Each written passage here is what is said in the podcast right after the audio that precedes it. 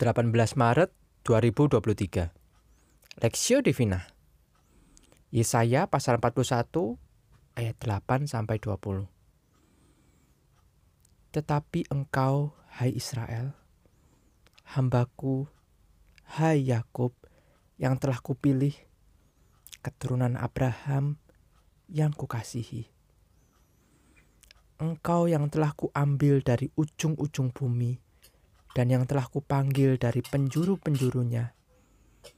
Aku berkata kepadamu, Hai engkau hambaku, aku telah memilih engkau dan tidak menolak engkau.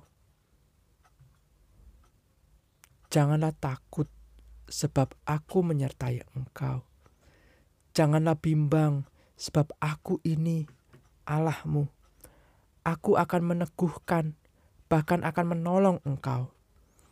Aku akan memegang engkau dengan tangan kananku yang membawa engkau, yang membawa kemenangan. Sesungguhnya, semua orang yang bangkit amarahnya terhadap engkau akan mendapat malu dan kena noda.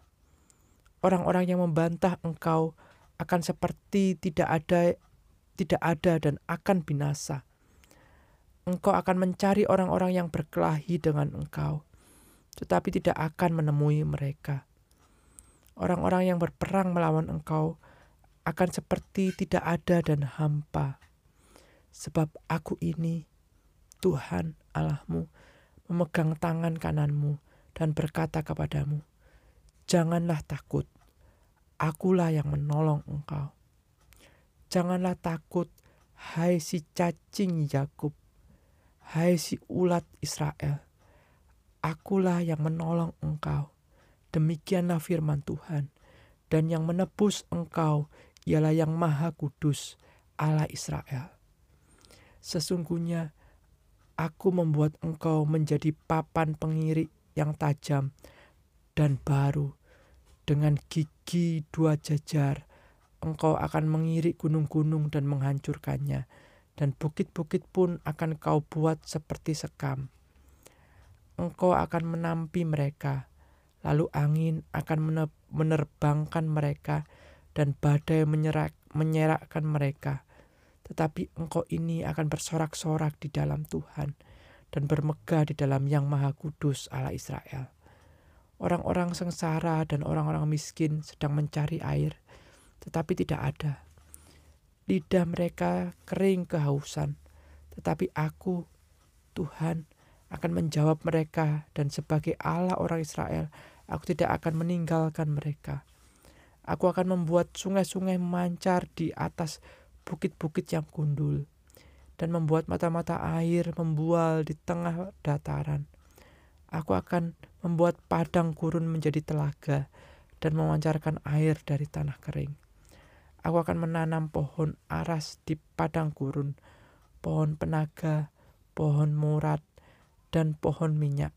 Aku akan menumbuhkan pohon sanobar di padang belantara dan pohon berangan serta pohon cemara di sampingnya, supaya semua orang melihat dan mengetahui, memperhatikan dan memahami bahwa tangan Tuhan yang membuat semuanya ini dan yang maha kudus Allah Israel yang menciptakannya.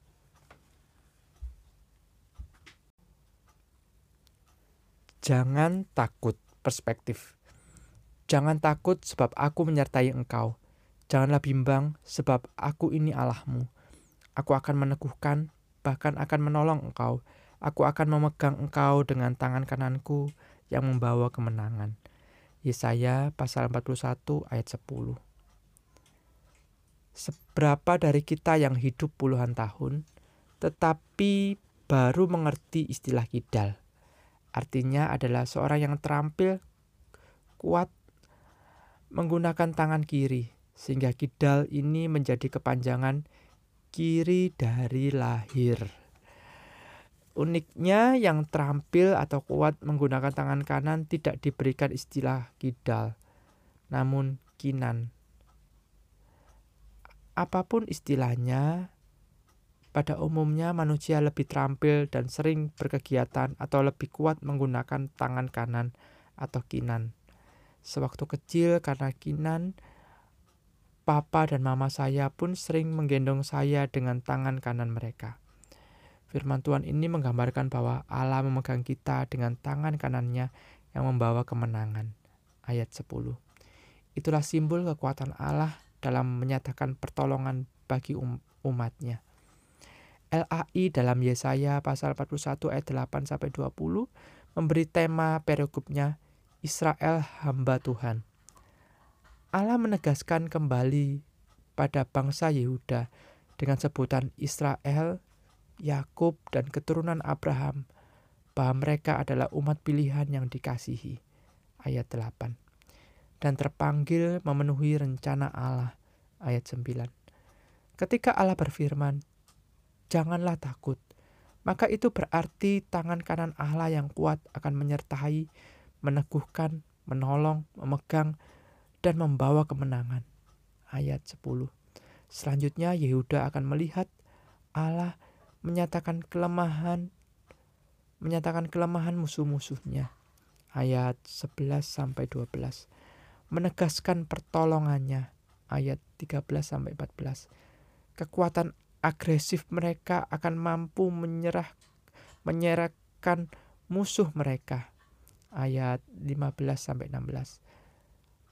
Dan pada akhirnya tangan Tuhan akan menyatakan pemulihan dan dari penderitaan karena masa pembuangan. Ayat 17 sampai 20. Umat Allah tidak harus takut karena Allah tidak tinggal diam melihat pergumulan umatnya. Mereka seharusnya meyakini perbuatan-perbuatan Allah dan tetap bergantung dan berserah kepada tangannya yang kuat. Manusia pernah takut, takut miskin, sakit, mati, gagal, masa depan, ditolak, kalah, dan lainnya. Ingat, Tuhan berkata, "Jangan takut." Artinya, janganlah ketakutan, kecemasan, kebimbangan,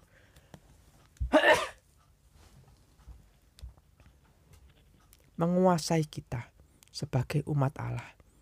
Tetapkan hati dan melangkahlah bersama Allah, karena dialah yang menggendong kita dengan tangan kinan yang kuat.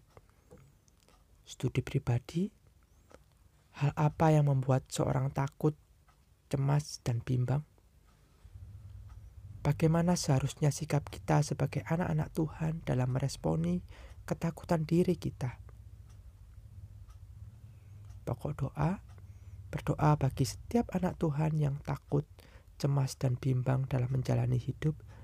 Tuhan meneguhkan, menguatkan, memberi hikmat ketika berharap dengan tangan, dengan tantangan serta pergumulan yang ada.